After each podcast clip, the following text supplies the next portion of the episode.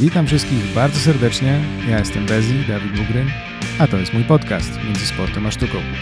Zapraszam Was na rozmowę z moimi gośćmi, którzy reprezentują wszelakie sporty i sztuki walki, ale nie tylko.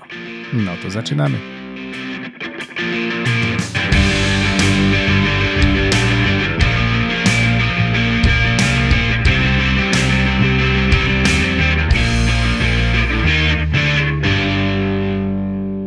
Właśnie, chciałem się ciebie zapytać, bo widziałem, że wy zaczęliście kombinować e, z takim jakby blogiem na YouTubie. Tak, tak, Gdzieś tak. wyjeżdżaliście wtedy na jeden e, Tak, turniej. ogólnie mamy więcej nagrane, ale nam wyszło jak wyszło. Hmm. Znaczy jest zmontowane, tylko trzeba było dorzucić parę rzeczy, no ale hmm.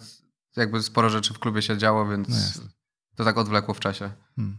I to przy każdym turnieju staracie się coś ponagrywać? Tak, no ostatnio nie nagrywaliśmy, no bo trochę było tych turniejów i tak zamieszania też e, ze względu na to, że w sumie sporo osób startowało i hmm mało kto miał czas, żeby to nagrywać, ale myślę, że wrócimy, jak się wszystko uspokoi trochę. Hmm.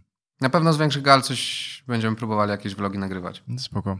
Fajna sprawa, bo powiem ci, że mm, dużo osób oczywiście widzi, jak to wygląda, nie wiem, tam same walki czy cokolwiek, no bo to jest dość często i gęsto wrzucane tak, tak, do tak. internetu.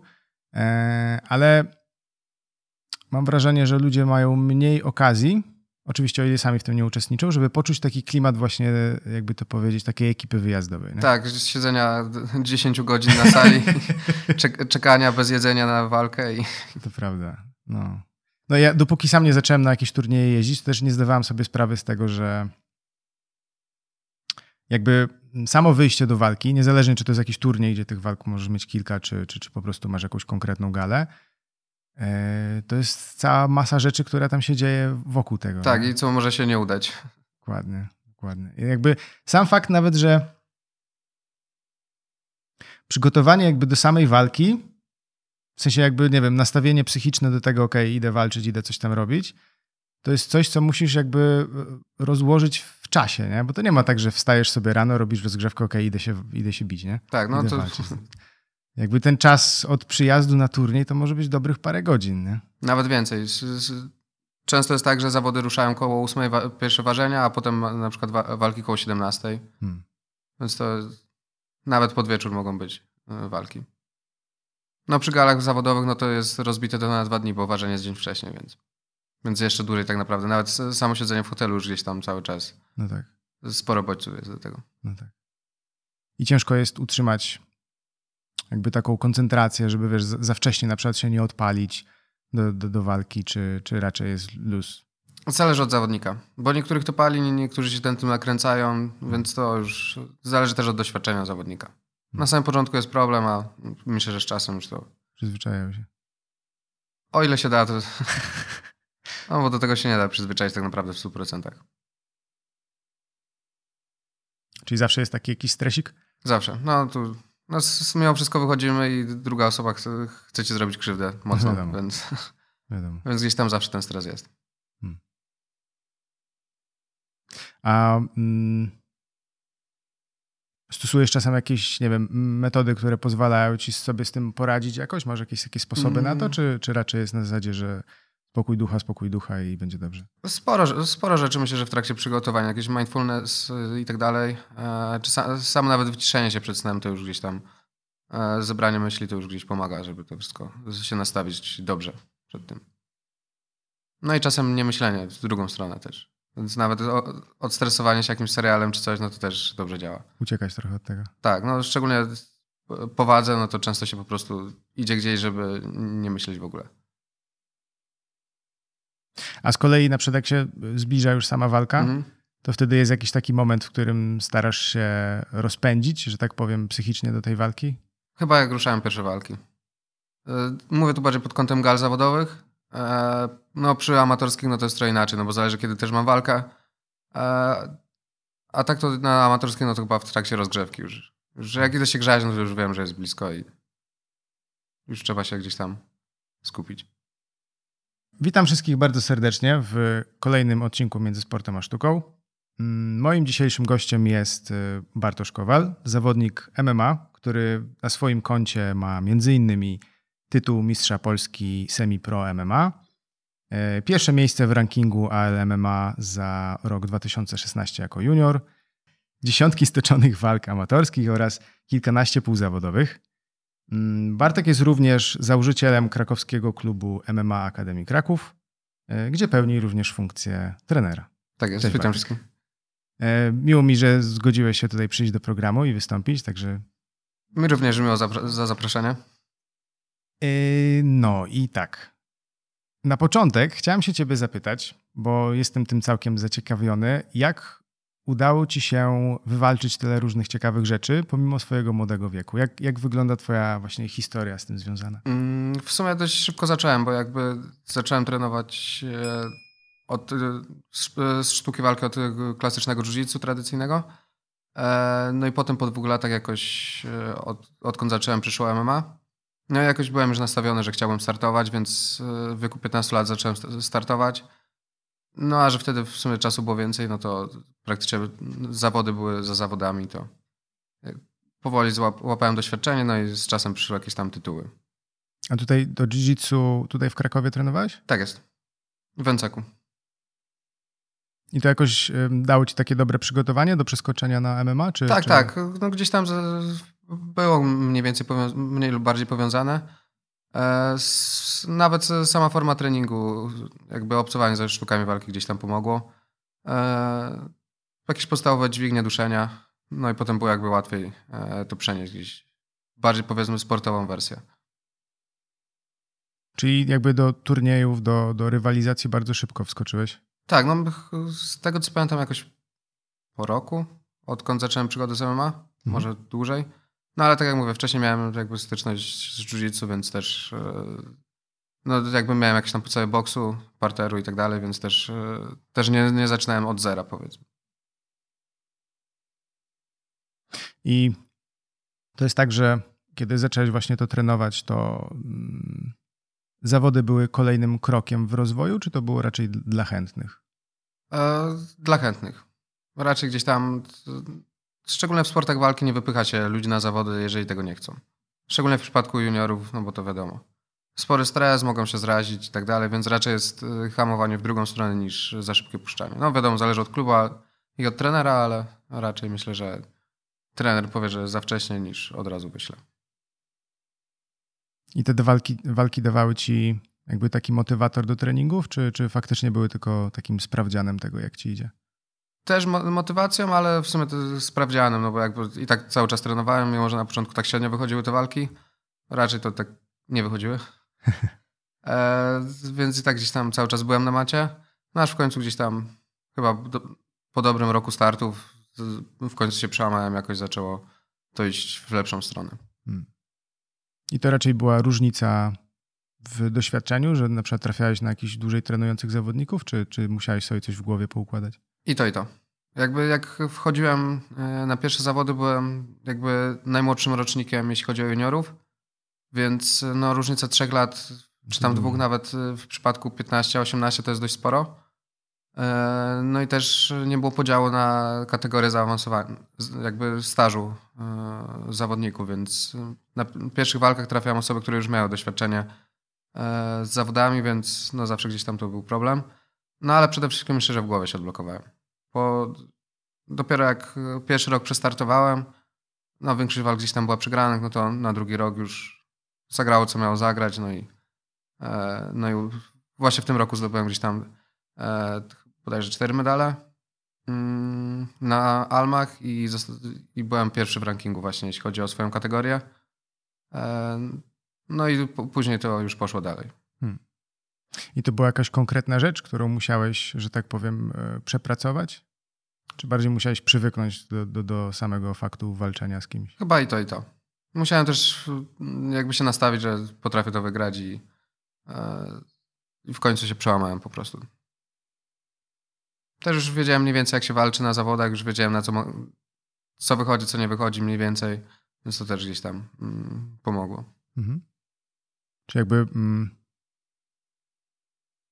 stricte jakby, nie wiem, sparingi na, na treningach czy coś, to jednak zupełnie inna bajka Zupełnie, była? zupełnie co innego. Jakby sporo jest osób, które gdzieś tam e, świetnie radzą sobie na treningu, a przychodzą walki i jest średnio. Hmm. Słabo. E, I potem w, i w drugą stronę jest tak samo. Ja teraz na przykład już czuję się, że na treningu jest gorzej niż na walkach. Więc myślę, że jakby na walkach jest to, co powinno być. Z tego, co kojarzę, to mm, jest to mocno powiązane poniekąd z jakby właśnie taką e, optymalną aktywnością psychiczną u zawodników. W sensie, tak, że tak. właśnie niektórzy na treningu nie są w stanie się na tyle zaktywować, żeby wyciągnąć z siebie wszystko, z kolei na zawodach wtedy, jak już jest trochę większy. Tak, no i plus to... w zależności od tego, ile zawodnik robi treningów, bo jeżeli hmm.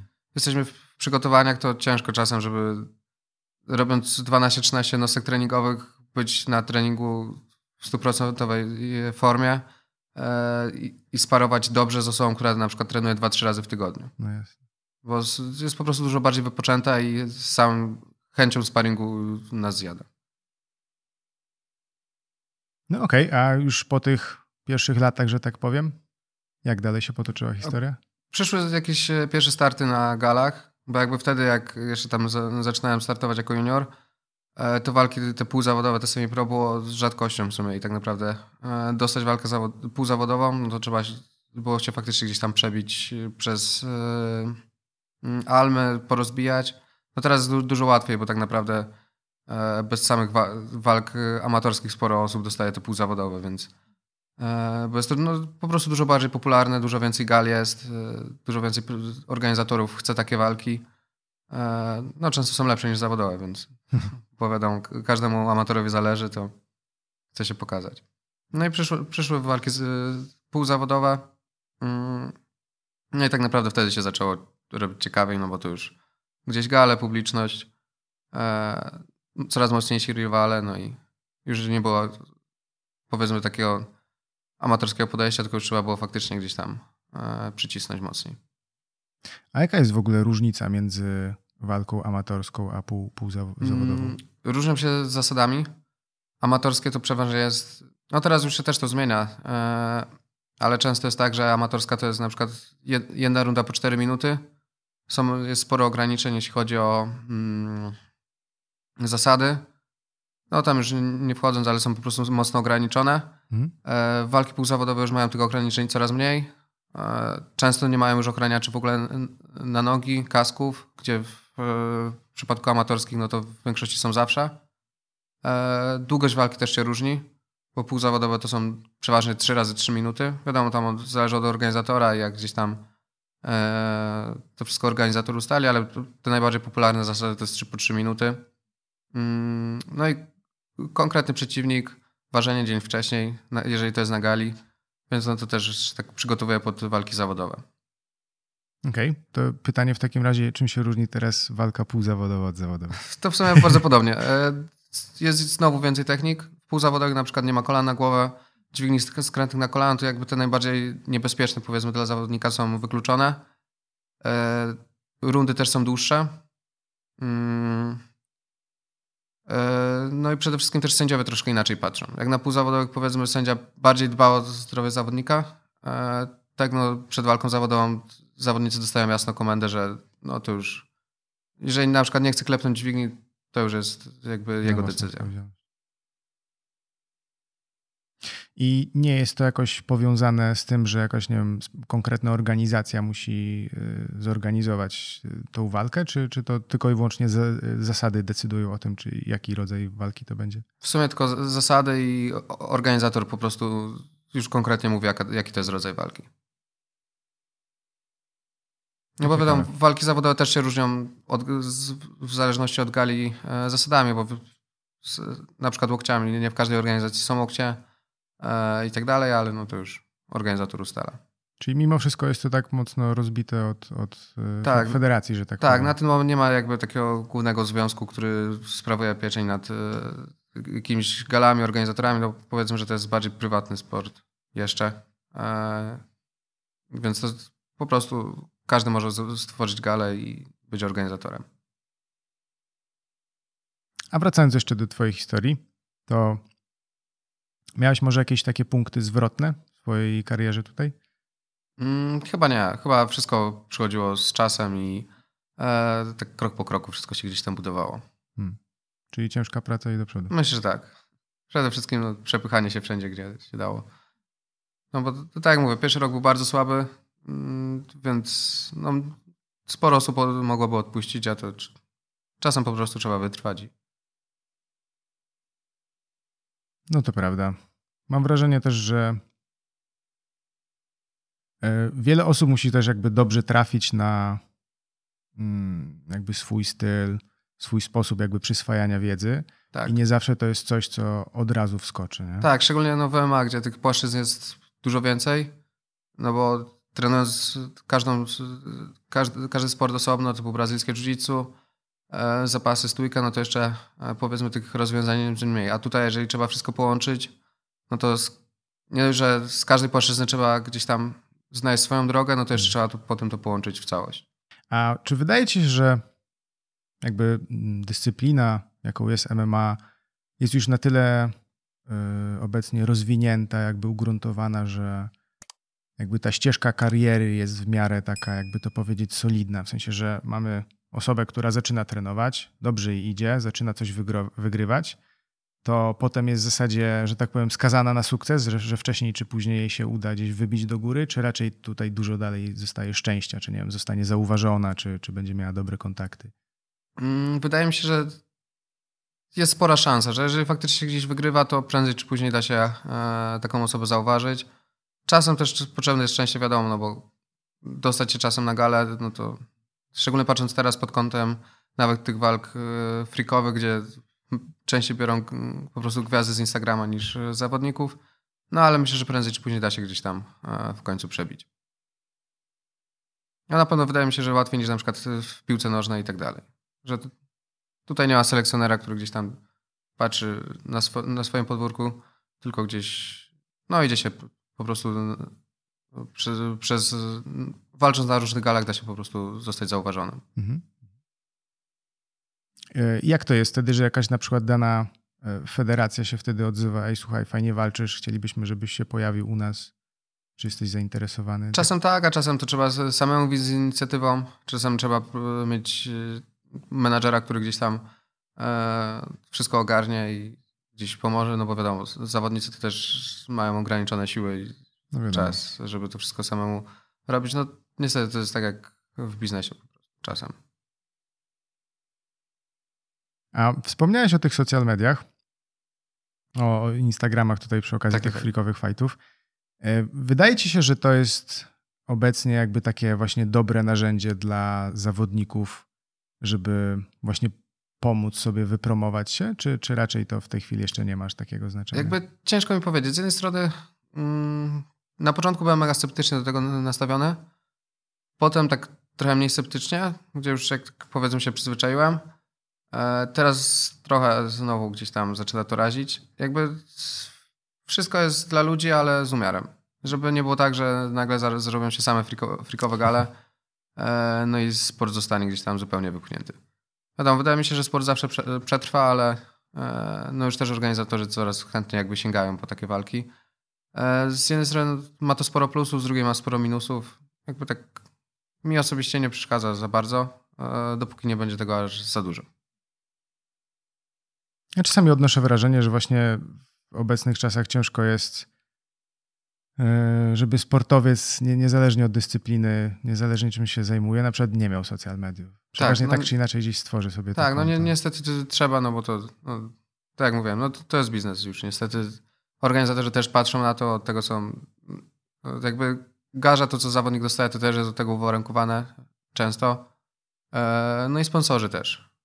A wiadomo, jeżeli jest mniej sponsorów, no to też nie ma pieniędzy na przygotowania. No, same przygotowania to są ogromne koszta, żeby to pokryć samemu, więc e, a robić, wiadomo, no da się na, pracować i trenować, no ale to wtedy spada jakość treningów i jest też problem potem. A jak w ogóle wygląda przygotowanie do walki? W sensie od momentu, w którym na przykład e, dowiadujesz się, że będziesz mieć walkę z, tymi, z tą i z tą osobą, mhm. wtedy i wtedy i, I co się dzieje właśnie od tego momentu już do, do momentu samej walki? No to już zależy tak naprawdę od y, zawodnika stricte, od jego sztabu szkoleniowego. No ja tak naprawdę jestem cały czas w przygotowaniach. Jakby wiadomo, mam jakieś tam off-seasony, ale to nie jest coś takiego, że po walce przestaję trenować na dwa miesiące i dopiero zaczynam trenować, jak jest y, data kolejnej walki. Tylko jakby cały czas robię treningi. jak, jest, jak się zbliża już jakiś konkretny termin, no to wiadomo, podkręcam tempo, ale to te, nie, że nagle zaczynam trenować tam 8 tygodni przed, e, tylko po prostu no już też odpowiednia dieta, e, przygotowanie motoryczne stricte pod dany termin, już nie gdzieś tam e, w formie po prostu jakiejś prewencji urazu, tylko już konkretny e, dany termin. Okres sparingowy, gdzieś tam bliżej walki, no a wcześniej no to jakieś założenia taktyczne, już też nie trenuję powiedzmy to, co gdzieś tam lubię, to czy na czym chciałem sobie porobić w off-seasonie, tylko już powiedzmy pod danego przeciwnika, danego, e, daną formułę, w jakiej też startuję i tak dalej. A na ile starasz się na przykład, nie wiem, rozgryźć przeciwnika? Jakby, czy to jest duży element tych przygotowań? Tak, no dość spory. Szczególnie teraz jakby MMA od kilku lat dość mocno poszło do przodu i gdzieś tam to nie jest już tylko taki sport, gdzie wychodzimy, bijemy się, ile fabryka dała i jest problem. Tylko no już e, coraz więcej jakby taktyk się układa. Już coraz częściej trzeba rozczytać przeciwnika i nie, nie, nie zawsze wygrywa osoba lepsza, tylko czasem osoba, która mądrzej podeszła do walki, czy lepiej taktycznie e, wygrywa. Więc no już coraz bardziej profesjonalny się staje ten sport. Szczególnie już na tym wyższym poziomie. Czyli trochę takie papier, kamień, nożyce się gdzie niegdzie pojawia. Troszkę tak. Tu już trzeba tu trzeba rozgryźć kogoś, żeby się głupio na coś nie złapać. No i... A czy nie ma problemu na przykład z tym, że z racji tego, że walki są, nie wiem, półzawodowe czy jeszcze amatorskie i na przykład jest problem z dostępnością do materiałów? Normalnie nie ma takiego problemu, bo nawet już to już od lat amatorska liga MMA na przykład nagrywa każdą walkę i wrzuca do internetu. E, no na galach półzawodowych jeszcze różnie to jest, e, ale to też zależy od przeciwnika tak naprawdę. Więc sporo przeciwników już miałem dostęp wcześniej i mogłem zobaczyć co jak, ale no to już też to zależy po prostu gdzie kto się bił. I... No to wiadomo, były takie walki, że wchodziłem zupełnie do, do niewiadomych. W sumie, więc no, wtedy trzeba po prostu robić swoje gdzieś. Hmm. I to jest tak, że mm, nie każdy przeciwnik ma na przykład swój jakiś bardziej charakterystyczny styl, że ciężko jest się do niego dostosować? Znaczy ja ogólnie jakby mimo wszystko w każdej walce staram się robić, ja narzucać swoją grę niż dostosować się do kogoś, ale no, trzeba uważać na po prostu niektóre zagrania, żeby no, jakieś mimo wszystko ryzyko e, mm, zminimalizować. A ogólnie podczas walki jakby jest dużo czasu, czy też takiej dużo świadomości na to, żeby właśnie pilnować jakichś zadań taktycznych, żeby przekalkulować sobie niektóre akcje? Czy jest w tym znacznie więcej, że tak powiem, żywiołowości? E, mimo wszystko wydaje mi się, że więcej żywioło, żywiołowości, ale to też zależy od doświadczenia myślę, zawodnika. No bo ja na przykład z pierwszej walki nie pamiętam swojej nic. zupełnie. Nawet nie pamiętam, jak tam wszedłem. E, no a z czasem jest coraz większa świadomość, już więcej się słucha narożnika, że jest lepszy kontakt zawodnik, trener, widzi się sędziego, już coraz więcej jakby rzeczy spoza dochodzi. No i też przez to dużo łatwiej można jakby zmienić nawet taktykę w trakcie. Takie bitewne doświadczenie. Tak, już, już coś, coś zaczyna się tam stykać. Hmm. A a propos tego narożnika, to narożnik, że tak powiem, jest ważnym elementem w tak, walce? Tak, bo nawet samo jakby samo kontakt z narożnikiem. E, narożnik też widzi z zewnątrz.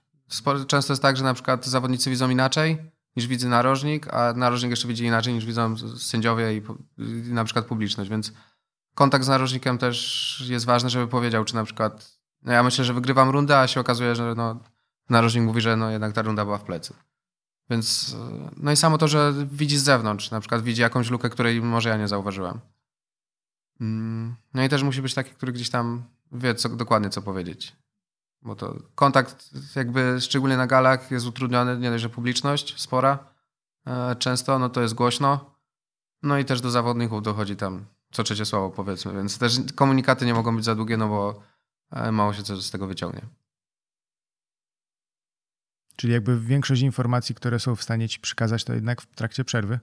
Nawet nie, ale przerwy są dość krótkie. No minuta to tak Przeważnie to zdążę siąść i wstać. To tyle, tyle mam czasu tam.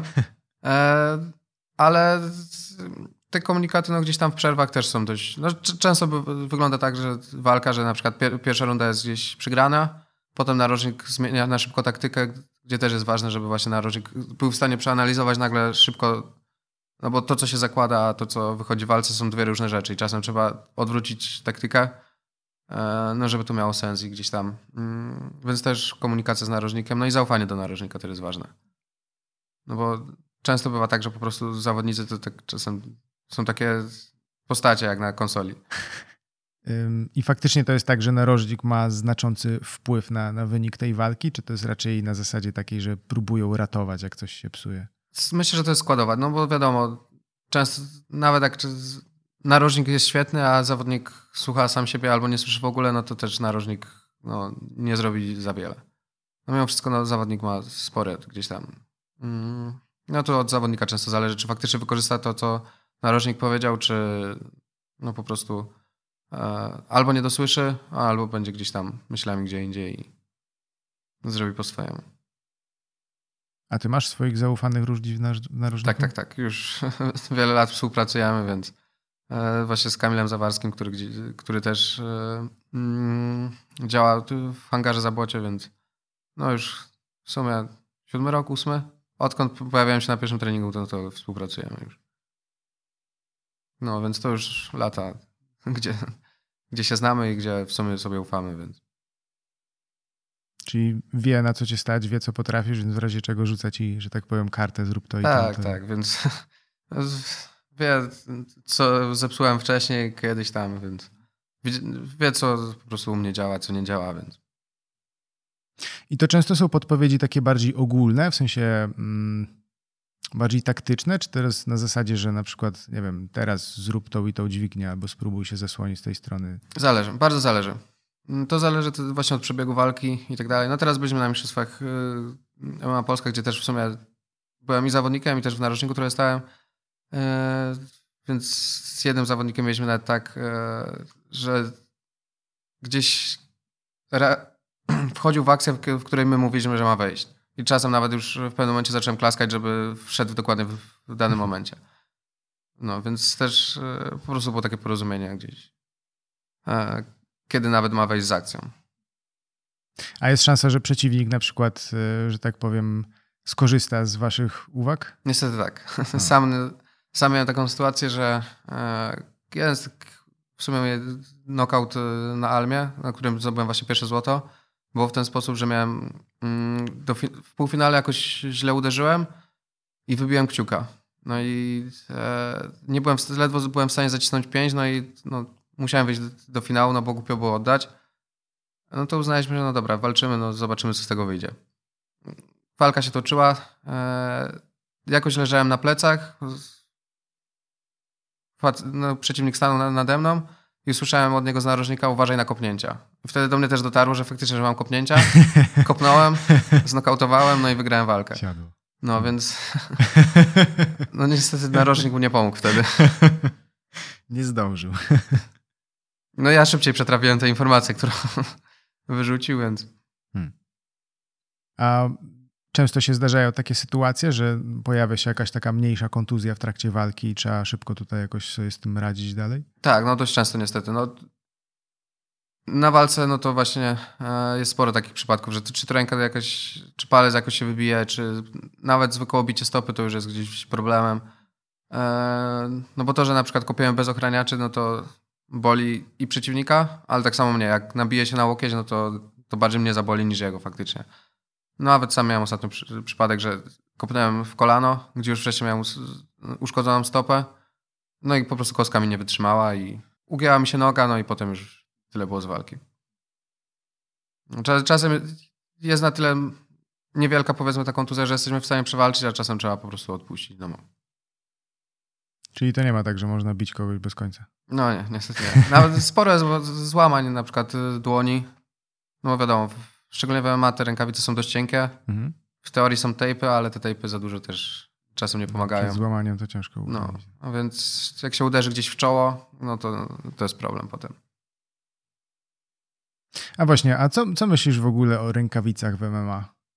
E, jakby dla mnie są bardzo fajne z jedną może taką... Mm, dla mnie powinny być troszkę bardziej zaokrąglone e, ze względu na e, jakby ciosy w oczy palcami. Bo jakby rękawica jest płaska i przez to można bez, bez, problemu trzymać prosto. Jakby była trochę mhm. bardziej zaokrąglona, no to żeby ktoś wyprostował palec, no to byłby większy problem. Więc tam dla mnie to byłaby jedna taka rzecz, którą faktycznie zmieniłbym, że dla bezpieczeństwa zawodników. No bo wiadomo, no niby są teraz jakby jest więcej kar dla zawodników, jak trzymają szeroko palce i do góry, no ale tam jest chaos. No to jest walka, więc ktoś rzuci cios, ktoś się przestraszy, pójdzie palec w oko, no i... Jasne. No sporo było ostatnio kontuzji takich, więc... Chociaż w sumie to dość ironiczne, nie? Wychodzicie do klatki, żeby się walczyć między sobą, że tak powiem, aż tylko jedna osoba wyjdzie, ale palec w oko to nie. Tak.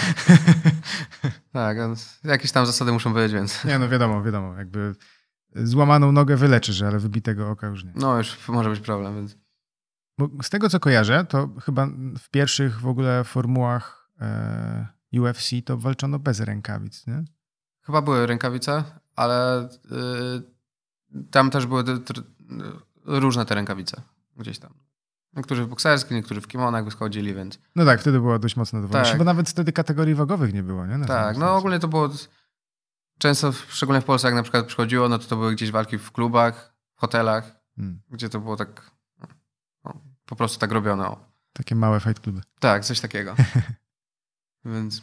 Mm, o te rękawice pytam, bo słyszałem kiedyś taką teorię, że właśnie w początkowych e, jakby galach UFC, z racji tego, że walczono bez rękawic, to znacznie częściej zdarzały się właśnie kontuzje typu połamane palce, uszkodzone dłonie i tak dalej. Tak, no gdzieś tam jest pewnie zabezpie pewne zabezpieczenie właśnie dla dłoni, sama ta rękawica.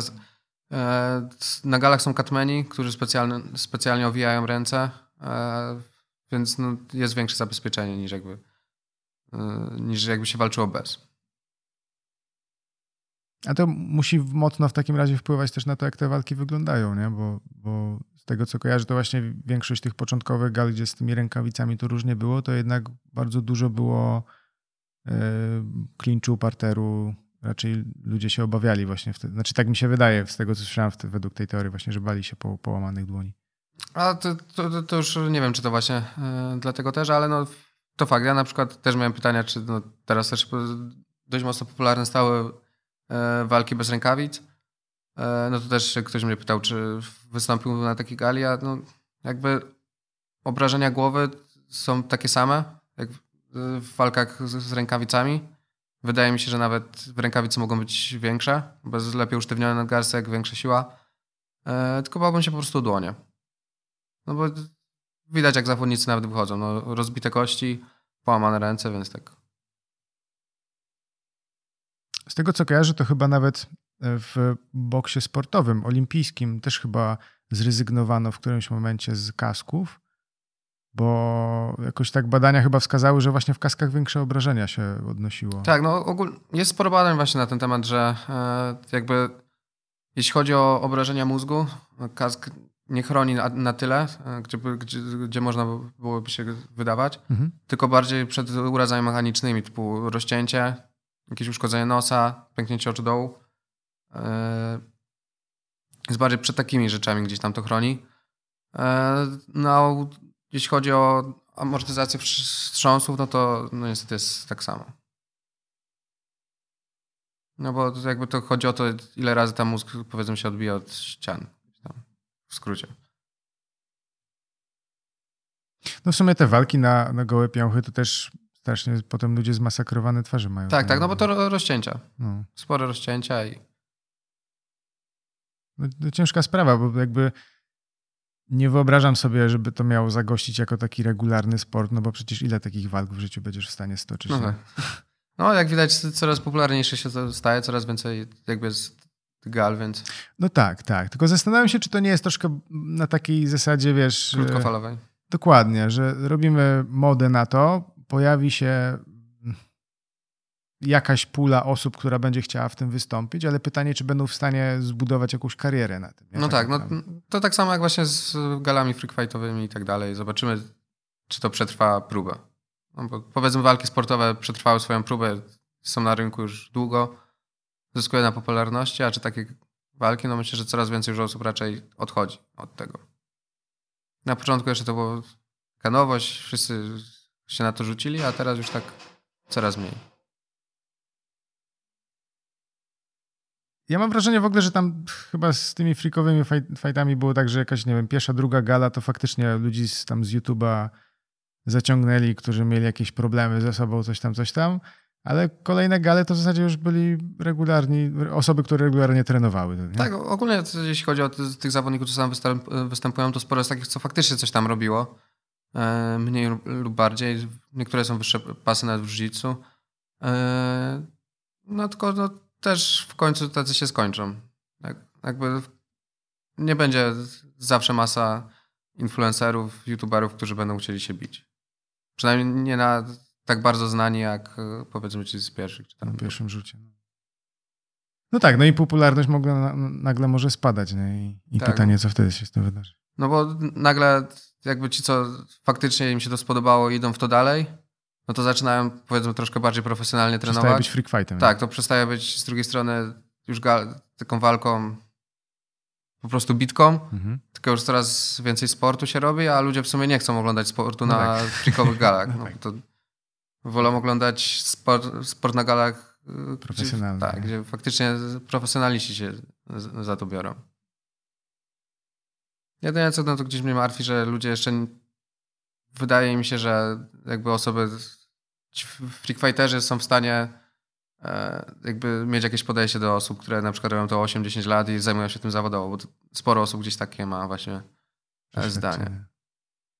No w sumie tak, bo mm, jakby nie dziwię się, że budują sobie takie, że tak powiem, mniemanie o sobie, bo są stawiani trochę w takiej sytuacji, jakby faktycznie byli profesjonalistami. Tak, tak. No zorganizowali całą galę, są jakby przedstawiani na tej gali na przykład jako e, walka wieczoru czy cokolwiek. Nie, trudno wtedy nie boostować swojego przeświadczenia. No tak. A potem przychodzi na przykład osoba, która ma średnie osiągnięcia i wszystkich tam tak naprawdę by zjadła. No tak. W sumie to też e, tak kojarzę, że e, przykładem na coś takiego była jakby karierę Mariusza Pudzianowskiego. No bo... Tak, tak. No, no, bez, jakby bez tej kariery no, byłby problem gdzieś tam w Polsce wypromować ten sport, więc dlatego mówię, że no, nie jestem mega sceptycznie nastawiony, no bo, bo z tego no, nie byłoby, nie, by, nie bylibyśmy w tym punkcie, gdzie jesteśmy. Dalej pewnie byłby to jakiś niszowy sport, gdzie się rozbijamy po dyskotekach, tylko już e, no, podejście ludzi się powoli zmienia. Jeszcze długa droga, ale myślę, że... Właśnie mam wrażenie, że ciągle często wiele osób ma takie przeświadczenie, że to jest takie mordobicie w klatkach. Nie? Tak, że to nie powinno być sportem. No, albo w ogóle jakby nie są kompletnie świadomi tego, ile tak naprawdę y, techniki, taktyki, przygotowania i tego wszystkiego stoi za tym, że te tak. dwie osoby wchodzą do klatce. To nie jest tak, że oni po prostu wchodzą do klatki, stają naprzeciwko siebie, i który, dłuży, który dłużej ustoi nie? ciosy, tylko to tak, no niestety, no jeszcze podejście jakby ludzi do tego sportu jest no dalekie, no ale to no jakby ludzie mówią, że co to jest za sport, gdzie tak, takie są obrażenia głowy, tylko no tak jakby tak patrząc szerzej, no to w każdym sporcie zawodowym są obrażenia głowy. Mm, skoczek, jeżeli skacze, to tam są też tak, takie e, jakby e, uderzenia, że e, gdzieś tam ta głowa oberwie. Może nie bezpośrednio, no ale czy piłkarz, na, jeżeli jest napastnik, który kilkanaście razy na treningu wykona strzał główką, no to tam też są obrażenia głowy. To piłka nie jest wcale przyjemna i każdy, każdy kto też kilka razy strzelił z główki, to wie, jak to boli. Ciężko jest znaleźć sport, e, który uprawiając zawodowo nie będzie ci powoli zjadał zdrowia. Tak, no sport zawodowy nie jest zdrowy, więc jakby tutaj też ludzie tego nie potrafią jeszcze rozdzielić, chociaż wydaje mi się już coraz bardziej, że jakby to, co widzą w klatce, e, no to nie, nie jest do końca tak samo na treningu. No bo jakby powiedzmy sporty walki mm, nie są aż tak niebezpieczne, jak na przykład widać to w klatce.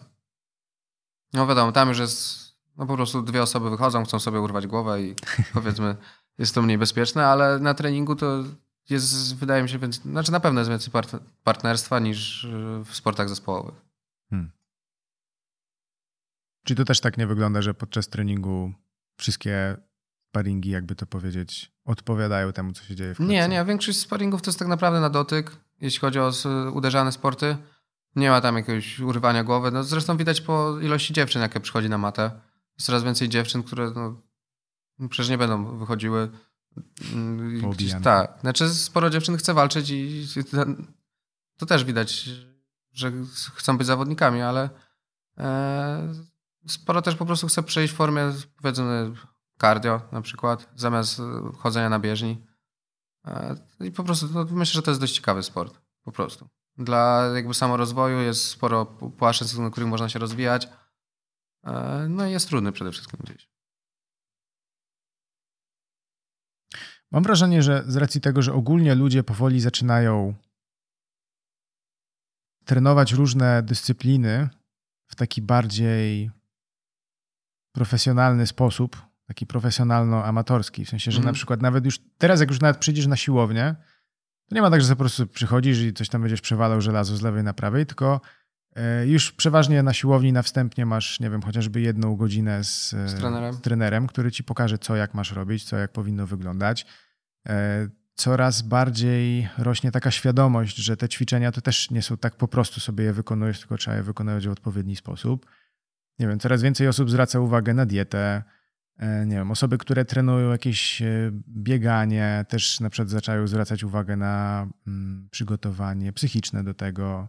I mam wrażenie, że tego typu elementy przerzucają się na coraz większą gamę różnych dyscyplin, różnych rzeczy, które trenujemy. Tak, myślę, że no, też internet temu i pomaga, i przeszkadza, no bo wiadomo, każdy może być specjalistą już teraz.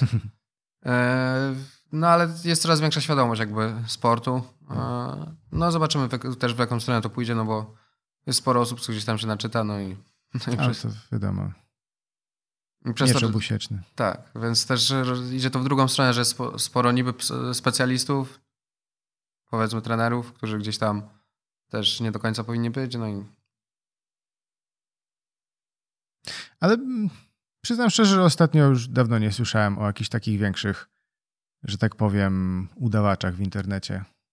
Ja, jeszcze mnie docierają czasem słuchy takie, że no, jeszcze gdzieś tam się to pojawia. No, myślę, że pandemia teraz dość mocno zweryfikowała to. A to swoją drogą. E, bo kto, kto był po prostu słabszy, no to nie przetrwał. No tak. E, I po prostu zmienił zawód, więc to też e, jakby dobrzy trenerzy zostali. E, a część po prostu też zmieniła priorytet może w ten sposób. E, a propos właśnie klubu, to chciałem też y, nawiązać do, do Twojego, że tak powiem, tutaj tworu, do MMA Academy, e, bo otworzyliście się tak naprawdę chyba w jednym z najgorszych momentów. Tak. bo to było w okolicy września, coś, coś Tak, wrzesień, wrzesień. Także tuż przed lockdownem tak naprawdę, bo lockdown się pojawił tam, nie wiem, miesiąc później, dwa miesiące tak, jakoś później. Tak, Ale mimo to udało wam się przetrwać, bo ja tam na bieżąco, że tak powiem, śledziłem, jak, jak tam sobie radzicie. E, bo bardzo mi się podobał ten wasz projekt e, i, i widziałem, że generalnie pandemia tam jakoś bardzo wam nie utrudniła chyba życia. Trochę utrudniła, jakby no sporo czasu jakby spędziłem na tym, żeby faktycznie przeczytać, co jest dokładnie w tych rozporządzeniach. E, no już pomijałem, że te rozporządzenia były pisane na kolanie i nikt nie wiedział o co chodzi, bo kontaktowałem się chyba z prawnikami, z policjantami, ze wszystkim. Każdy mówił, że nie wie o co tu chodzi. Bo bardzo e, dużo pola do interpretacji. Tak, i każdy mógł zinterpretować jak chciał, więc sporo też było stresu. Mm, tak naprawdę no to było tak kilka sytuacji trochę bardziej stresowych. No samo to, że ktoś złożył na nas donos w grudniu, e, że działamy, no to przez co przyszła policja, no więc początek roku miałem na, na komendzie. E, no ale wszystko jakby poszło dobrze, nie było tam jakichś problemów. No później były te okolicach kwietnia, jakieś naloty na siłownię, gdzie wojsko, e, służba celna, sanepid, policja przyjeżdżała. No, myślę, że tutaj warto nakreślić, znaczy po prostu powiedzieć o sytuacji tam klubu z Warszawy, Alligatores. Mhm. No to oni mieli dość niemiłą sytuację. Mm, no bo to codziennie, codziennie mieli około 400 policjantów przed klubem, więc. No tak. Więc tam było dość grubo, no i przez to też dla nas trochę większy stres, no bo nie wiedzieliśmy, jak to, czy nam też nie wpadną. Mimo, że działaliśmy legalnie, no to gdzieś tam zawsze była, że ktoś złoży donos i będzie problem. No tak, bo, bo pomimo tego, że niektóre, mm, jakby to powiedzieć, e, placówki, że tak ogólnie to nazwę, miały podkładkę, że mogą funkcjonować, to i tak były męczone na wszystkie inne sposoby. Tak, te tak. kontrole dzień w dzień, to jak nie skarbówka, to policja, to spisywanie w ogóle tak. wszystkich osób, które są w klubie. Tak Przecież nie, nie jeden klub tak wymęczyli, żeby się zamknął. Tak, więc e, jakby my takich przygód nie mieliśmy na szczęście. Działaliśmy zupełnie legalnie, bo jakby rozporządzenie po pierwsze nie mogło zamknąć działalności ze względu na no, rozporządzenie za słabe. To już pomijam. Ale nie dotyczyło szkół sztuk walki, więc mogliśmy działać. E, no ale i tak gdzieś zawsze z tyłu głowy było, czy na przykład ktoś nie zinterpretuje tego, że to wygląda jak siłownia. Bo to jest dużo ludzi. No bo nawet sam dzwoniłem do Sanepidu i e, Sanepid w Krakowie powiedział, że nie możemy działać, bo jest dużo ludzi, a Sanepid w Katowicach powiedział, no tak, no skoro nie ma nic w rozporządzeniu, to możecie. No i teraz rabin powie tak, drugi powie. No i właśnie to tak było z rozporządzeniami, więc no też był po prostu taki stres, że no zależy kto przyjdzie. No ale mimo wszystko udało się. Udało się jakoś przetrwać, no i zobaczymy, co dalej będzie. A myślisz, że to e, pomogło wam znacznie, że byliście tutaj jednym chyba z nielicznych klubów, który funkcjonował przez ten okres czasu? Myślę, że tak. Myślę, że dzięki temu też sporo osób się przekonało. E, no bo jakby nie mieli alternatywy, też chcieli trenować. E, I po prostu zobaczyli, że jak wygląda to wszystko. Myślę, że prędzej czy później tak większość osób by przyszła, tylko że to powiedzmy nastąpiło troszkę szybciej. A skąd w ogóle pojawił się pomysł, żeby otworzyć własny klub? To był dziwny pomysł.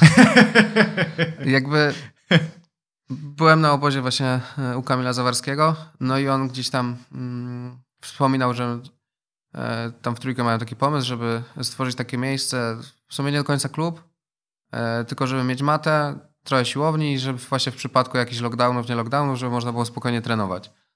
No i Kamil powiedział, że jakby mm, chciałby znaleźć jakiś klub, dogadać się, że e, będzie wynajmował. No i tak w sumie decyzja była tak, no dobra, spróbujmy. No jakoś napisałem do Kamila, że mogę spróbować, no i jakoś tak poszło. To nie była jakby, jakby zupełnie przemyślana decyzja, bo patrząc na sytuację, wszystko... Gorzej by się nie dało, nie? Tak, więc jakby żadnych analiz tam nie próbowałem robić, no bo no nie miało to sensu. No bo jakby spodziewałem się, że zamkną wszystko, Kamil też tak myślał, więc tak poszliśmy. No. Będzie co będzie. Tak, no, uda się. Hmm. Po prostu.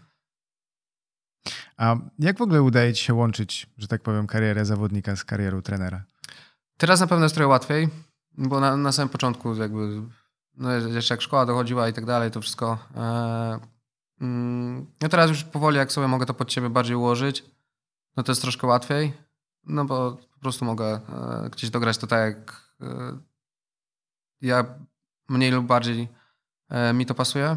Mm, no a na początku, no to jak prowadziłem na przykład w Krakowie w czterech różnych miejscach, tego swoje treningi i na przykład zaczynałem okolice właśnie Bronowic, mm, później na swój trening jechałem na Ludową, tam okolice Wielickiej. Jeszcze kończyłem dzień w, mm, w Wieliczce. Jeszcze po drodze gdzieś była uczelnia, więc e, no było sporo jeżdżenia, sporo takiego zamieszania, ale teraz już jakby większość rzeczy mam w jednym miejscu, więc jakby taki też był cel, że w sumie potrzebowałem takiego miejsca, no bo sporo klubów się zamknęło, e, włącznie z moim klubem, gdzie tam trenowałem wcześniej, e, się zamknęło, więc jakby głównie myślałem to, żeby też mieć takie miejsce, gdzie sam też będę mógł trenować. A nie boisz się tego, że w którymś momencie jakości to będzie kolidować bardziej? Bo jednak większość osób idzie na drogę trenerską bardziej, jakby to powiedzieć, pod koniec swojej kariery, nie na początku. Myślę, że nie. Myślę, że nie. Bo jakby to jest praca, którą lubię. Też jakby nie prowadzę jakoś bardzo dużo zajęć. E, no a to jest też taka praca, dzięki której mogę połączyć e, jakby przygotowania się, no bo jakby potrzebuję trenować dwa razy dziennie, więc powiedzmy gdzieś tam treningi, czy personalne, czy grupowe jestem w stanie gdzieś tak zmieścić właśnie pomiędzy treningami, mm, żeby właśnie być w stanie gdzieś trenować. wiadomo, często jest to mniej opłacalne niż faktycznie zwykła zmianowa praca, niż pójść na 8 godzin do pracy i mieć święty spokój, no ale przez to nie mógłbym trenować jakby dwa razy dziennie. Coś za coś. No więc no, na razie to jest tak, taka praca, i którą lubię, no i dzięki której mogę też trenować. Mm. A czy nie bo może takiej sytuacji, że dzięki temu, że zacząłeś właśnie uczyć też ludzi, jakoś to wpłynęło na, na twoją własną technikę? Myślę, że tak. No bo jakby i też powtarzam podstawy, czy powtarzam różne rzeczy gdzieś, no bo to wymusza ode mnie to, że muszę sobie poprzypominać techniki e, w taki bardziej dokładny sposób. No i też widzę po prostu jakby, co jest problemem u ludzi i tak dalej. E, więc też jakby przez te lata, jak jestem już trenerem, no bo dość wcześnie, wcześniej zacząłem, no to też trochę ludzi gdzieś przeszło przez grupy, które prowadziłem. Mm, no to też widzę po prostu, jak różni są e, i, i zarówno zawodnicy, jak i osoby, które gdzieś tam trenują tylko rekreacyjnie, mm, że tak naprawdę no, każdy co innego potrzebuje. A dużo się różni takie jakby plan treningowy, jakby mm, wprowadzenie osoby do dyscypliny, kiedy już zaczyna trenować stricte MMA, niż gdyby trenowała jakby poszczególne, jakby to powiedzieć, pojedyncze style, gdyby trenowała na przykład tylko osobno kickboxing, mhm. osobno brazylijskie jiu-jitsu. Znaczy ogólnie teraz na przykład ja czy reszta osób z klubu dzielimy płaszczyznę mimo wszystko, no bo jakby staramy się i startować w kickboxingu i w jiu-jitsu. Więc jakby staram się jak najwięcej dzielić tej płaszczyzny i później to łączyć w całość. Mm, ale no jest to trochę inaczej, no bo jeżeli na przykład ktoś przychodzi stricte z kickboxingu, e, no to i trzeba zmienić specyfikę jego sportu na specyfikę, jaką jest MMA. Mm, ze względu na to, że nawet samo poruszanie się w MMA jest inne. E, ta stójka też jest inna, chociażby ze względu na rękawice. Jak powiedzmy w kickboxingu na przykład nie są liczone ciosy na gardę, przez to zawodnicy często po prostu ustawiają twardą gardę, ktoś ich bije i e, to nie jest jakby liczone jako punkt, no to w MMA jest o tyle problem, że na twardą gardę przyjąć coś, no to to już jest... Te rękawice są za małe, po prostu wszystko przechodzi i to też trzeba zawodnika uczyć od, powiedzmy od zera. No, trzeba jego jakby atuty przenieść na klatkę, która... No i tutaj też wraca taktyka walki, no bo to już... Czyli można powiedzieć, że y, dyscyplina, jaką jest MMA, na tyle się wyspecjalizowała, że faktycznie trzeba trenować już jako osobną rzecz. Tak. MMA to już jest MMA i ma, ma już swoje płaszczyzny, praca pod siatką. Y, jakby każda płaszczyzna jest inna. Ktoś może być na przykład y, świetny w brazylijskim jiu-jitsu, no ale parter w MMA to jest już zupełnie inna rzecz. Samo to, że dochodzą ciosy, E, inna praca zawodników, zawodnicy mniej powiedzmy leżą i walczą z pleców, tylko starają się wstać od razu do góry, gdzie tak naprawdę tego w jiu nie ma. Mm, no zapasy tak samo. Tutaj jakby mało kto się odwraca na brzuch, żeby obronić obalenia, no bo wtedy zostanie gdzieś tam skończona. Więc no trzeba już wszystko gdzieś tam stricte pod MMA e, przekształcać. A jest według ciebie jakaś taki jakby to powiedzieć, złota ścieżka dla osób, które chcą trenować MMA? W sensie, jak, jak to powinno wyglądać po kolei? Chyba nie. Spróbujemy, próbujemy dojść do takiego jakby rozwiązania, ale to na pewno trzeba odwlekać wszystko. Jakby nie, ciężko jest w sporcie, jakim jest MMA, wszystko szybko zrobić. Wiadomo, są tam powiedzmy jednostki, które nagle łapią wszystko od razu, wybiją się i e, faktycznie im się uda. No ale samo to, że patrząc na w wieku mistrzów UFC, no wszyscy są po 30. I to nie dlatego, że zaczynali późno, tylko no, już, no, myślę, że przykład Janka Błachowicza też gdzieś jest dobrym przykładem. Gdzie tak naprawdę nawet po 30 już miał gdzieś, e, był blisko jakby mm, utraty kontraktu z UFC, po czym nagle się odbudował, zdobył e, pas, no i teraz wiadomo. Gdzie też od, w sporcie siedzi od 18 roku życia bodajże, jak nie wcześniej. No tak, to też musi świadczyć o tym, że, że dyscyplina dojrzewa i już coraz tak. trudniej jest się wybić na sam szczyt. Nie? To jest dużo, dużo składników po prostu na to wpływa. No, samo dojście do czarnego pasa w jiu i chyba Karol po ilu? 10 latach to był? 8. Coś, znaczy nie wiem po ilu Karol, ale tak kojarzę, że no... Tak 8-10 lat, lat to no, gdzieś trzeba. No to, taki średnia, średnia czasu. Tak, więc no samo jiu-jitsu, gdzie trzeba jeszcze dołożyć stójkę, zapasy, parter, więc e, no żeby być dobrym w samym parterze, to trzeba faktycznie tylko 8 lat gdzieś siedzieć tylko na macie i robić tylko jiu-jitsu.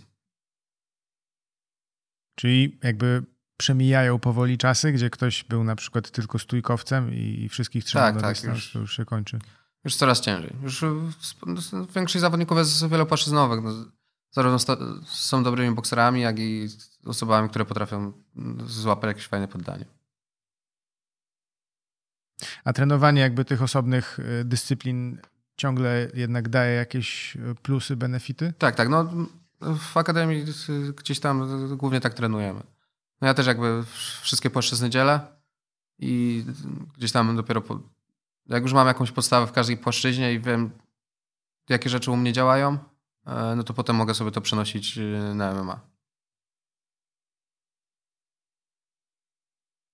A myślisz, że jest już, że powstaje taka, jakby to powiedzieć, zbiór meta, metatechnik, jakby zachowań, taktyk, do których trzeba dążyć, żeby być jakby na szczycie w MMA, czy ciągle jest na tyle wachlarz e, możliwości, na tyle szeroki, że jednak ciągle zdarzają się zawodnicy przeróżni i każdy polega na Wydaje mi się, że to jest o tyle fajne właśnie w MMA, że cały czas się to zmienia.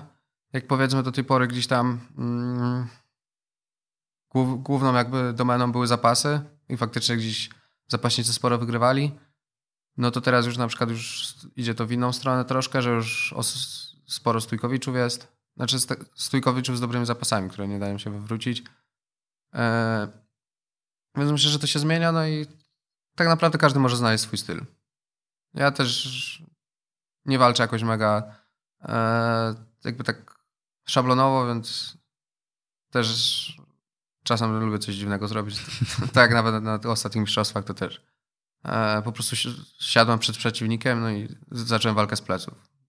Więc idzie, nawet zawodnicy na poziomie UFC gdzieś tam kombinują, więc wiadomo, niektóre style są jakby powiedzmy bardziej skuteczne, niektóre są trudniejsze, ale też mogą być równie skuteczne. Tylko no, trzeba dłużej poświęcić, ewentualnie znaleźć swój styl właśnie. Wcześniej mm, zaczęliśmy rozmawiać właśnie o, o trenowaniu E, ludzi e, i jakby takim troszkę szerszym dostępie do, do MMA. Właśnie mm, wydaje ci się, że to będzie miało pozytywny wpływ na, na ogólny wygląd MMA, że coraz więcej ludzi e, trenuje je i na przykład nie do końca planuje karierę zawodniczą, tylko raczej tak jakby, nie wiem, rekreacyjnie, hobbystycznie? Myślę, że tak. Myślę, że tak, bo już na macie zresztą widać, że jest sporo lekarzy na przykład, sporo osób z korporacji prawników i tak dalej, więc jakby ten sport to już nie jest takie podziemie, gdzie tylko gdzieś tam e, nieliczni trenują, tylko już faktycznie powiedzmy wchodzi to troszkę bardziej na salony. Już coraz więcej osób jakby z różnych branż, gdzie powiedzmy no bicie się nie przystoi, to już coraz więcej po prostu osób zaczyna trenować dla zdrowia, prostu im się to podoba, a, czy, czy dla siebie gdzieś tam, dla, w formie zabawy. A nie uważasz, że to się jakoś odbije, odbije na przykład na osobach, które chcą jednak bardziej zawodniczo trenować? Wydaje mi się, że nie. Bo jakby no dzięki temu jest więcej osób na zajęciach, a może jest coraz więcej. Im więcej osób na zajęciach, to, to też e, jest szansa, że z, powiedzmy z jakiejś tam grupy wyjdzie jakiś zawodnik. E, też dzięki temu coraz częściej firmy chcą współpracować. Przez to zawodnicy też powiedzmy mają szansę, żeby gdzieś tam no, mieć pieniądze na przygotowania. Mm, to też jest trudne gdzieś tam, szczególnie na początku, to wszystko połączyć. No bo to same. No już w pewnym momencie trzeba ciągle jeździć po różnych klubach, to też są wydatki. Jak się gdzieś jedzie, no to nie można też pracować. Chyba, że ma się gdzieś jakąś pracę zdalną, ale to też. E, no sporo jest rzeczy po prostu, które są problematyczne. A jak wygląda sprawa jakby ze stopniami zaawansowania? W sensie na przykład są podział na grupy, jakby początkujące, zaawansowane? Tak, tak. tak jest, jest podział na początkujących, zaawansowanych, no i też zawodników. Hmm. E, no bo jakby zawodnicze treningi wyglądają jeszcze inaczej. E, niż powiedzmy gdzieś tam amatorskie grupy, no bo to już też trzeba pod danego przeciwnika. Często jest po prostu jakby, jakby zrobić trening zawodniczy dla osoby początkującej, to prawdopodobnie by się zanudziła. Więc no niestety tak. E, no bo jakby sporo, no zawodnicy często pracują nad podstawami i no, osoba, która przychodzi rekreacyjnie, żeby się tylko spocić, by się znudziła tym. Ciekawe. Tak często właśnie. Czyli to do pożygu, że tak powiem, robią jakąś pojedynczą rzecz, tak? Żeby... Czasem tak. No, na przykład to nawet samo poruszanie się, jeden element, męczenie czegoś przez miesiąc. Eee, nie zawsze o to chodzi w grupach, powiedzmy, e, dla osób, które gdzieś tam amatorsko to robią. I czy mm, jakby to powiedzieć, ta grupa zawodnicza, ona e, wspólnie trenuje, czy to już raczej polega na treningach indywidualnych? Różnie, bardzo różnie. I tak, i tak. Mamy też e, właśnie grupę, którą prowadzi Kamil i tam wszyscy trenujemy. Kto jest w stanie, bo wiadomo też, nie każdy jest w stanie rano.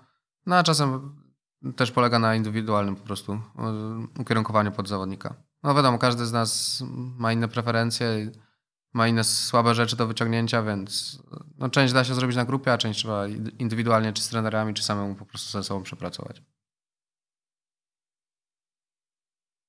A nie jest tak, że w którymś momencie zaawansowania dla zawodnika jakby trening indywidualny staje się jakby bazowym treningiem? Mm, czy niekoniecznie? Niekoniecznie mi się wydaje, bo jakby e, technicznie może faktycznie może być gdzieś podstawą, no ale jak trzeba zrobić sparingi, to trzeba zrobić no, sparingi z kimś innym, więc y, no ja też sporo trenuję na grupach, no właśnie ze względu nawet, żeby się poruszać z różnymi ludźmi. E, ja, ja nie, jakby nie widzę sensu, żeby pracować tylko jakby nad moimi rzeczami, tylko staram się jak najwięcej e, rzeczy łapać, które na przykład powiedzmy trudno jest przenieść do MMA. No, w samym jiu jest bardzo dużo rzeczy, których albo nie przeniosę, no albo będzie bardzo trudno przenieść, ale mimo wszystko i tak to robię, żeby gdzieś tam się powoli rozwijać nawet tej, w tej płaszczyźnie. Wydaje ci się, że osoby, które trenują jakoś dłużej już e, mieszane sztuki walki, że to wpływa jakoś na ich charaktery, że jakoś inaczej zaczynają, że tak powiem, reagować ze światem? Myślę, że tak. Na pewno są czasem spokojniejsi. No bo jakby idąc na trening to jest zupełne wyłączenie jakby ze świata, więc też sporo bodźców jakby odpada. E, często, no sporo osób przychodzi po prostu właśnie dlatego, żeby się zresetować. No w części ja też. Dobrze. Jak już robię trening, to już mam swój świat i tam mało co do mnie dociera. Co jest na, myślę, że na pewno łatwiejsze niż idąc na siłownię, bo idąc na siłownię, no to i tak mam gdzieś telefon z boku i mam swoje myśli, a tu no tak. Tu co chwilę coś mi lata, co ktoś mi chce nogę urwać, to, sobie, to, to muszę być skupiony mimo wszystko. Mm, ale no myślę, że e, jak tam było z pytaniem? E, czy ludzie, którzy trenują dłużej MMA, zaczynają jakoś, zmienia się ich na przykład charakter, czy inaczej postrzegają, że tak powiem, to, co się dzieje dookoła? Tak, no jakby ja też sam po sobie widzę, że jakby sporty walki nauczyły mnie sporo. No, samo to, że jestem zawodnikiem, w wielu sytuacjach życiowych jakby mi pomogło, no bo no po prostu wychodziłem już tyle razy, że ktoś chciał mi, mi coś zrobić, że tam powiedzmy jakiś egzamin czy jakaś sytuacja. No jakoś tak mnie to troszkę mniej rusza, ewentualnie potrafię sobie dużo bardziej poradzić ze stresem. W sytuacjach, gdzie faktycznie coś tam mogłoby mnie zestresować bardziej.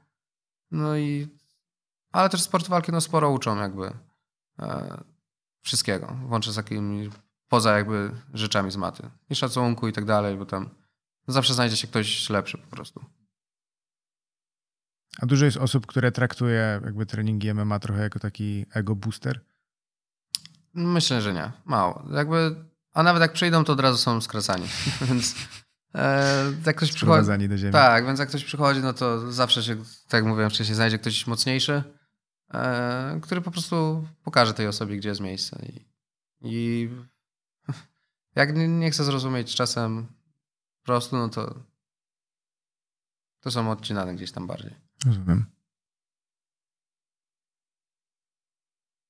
A czy poprzez jakoś treningi regularne na zajęciach yy, jesteś też w stanie na przykład niektórych przygotowywać bardziej psychicznie do walki? czy to już wymaga jakby jeszcze osobnej pracy, zewnętrznych ćwiczeń do tego? Zależy. Bardzo zależy od zawodnika. Niektórzy zawodnicy jakby dla mnie najlepszą formą przygotowania, jeśli chodzi o starty, no to jest po prostu jak najwięcej startować. Ale też, y, bo z czasem i tak to przyjdzie, chyba że jest źle, tak faktycznie źle, e, z zawodnikiem, że widać, że coś nie gra, no to faktycznie wtedy trzeba przystopować i gdzieś tam pracować e, trochę mocniej, ale często bywa tak, że po prostu zawodnicy po dwóch, trzech startach się odblokowują i jest w końcu to, co ma być, więc. No, to zależy już po prostu od jakby charakteru zawodnika i tak dalej. No bo też każdy, jakby każdy mm, zawodnik po prostu